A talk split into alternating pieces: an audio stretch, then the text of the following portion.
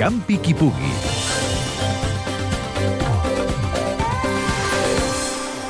El darrer dia de l'any es fan a Catalunya diferents curses dels nassos o Sant Silvestres, però només se'n fa una d'orientació.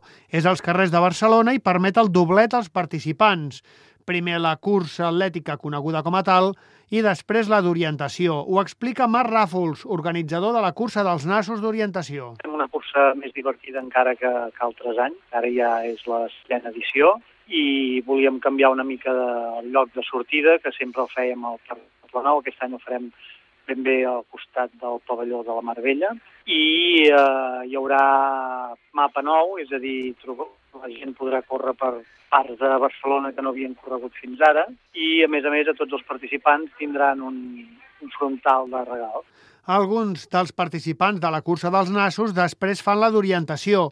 Ràfols ens explica les diferències. Té la coincidència que es fa l'últim dia de l'any. Eh, la diferència nostra és que s'ha de portar frontal perquè totalment de nit, eh, es corre amb un mapa a les mans i eh, consisteix a buscar les fites que estan marcades en el mapa.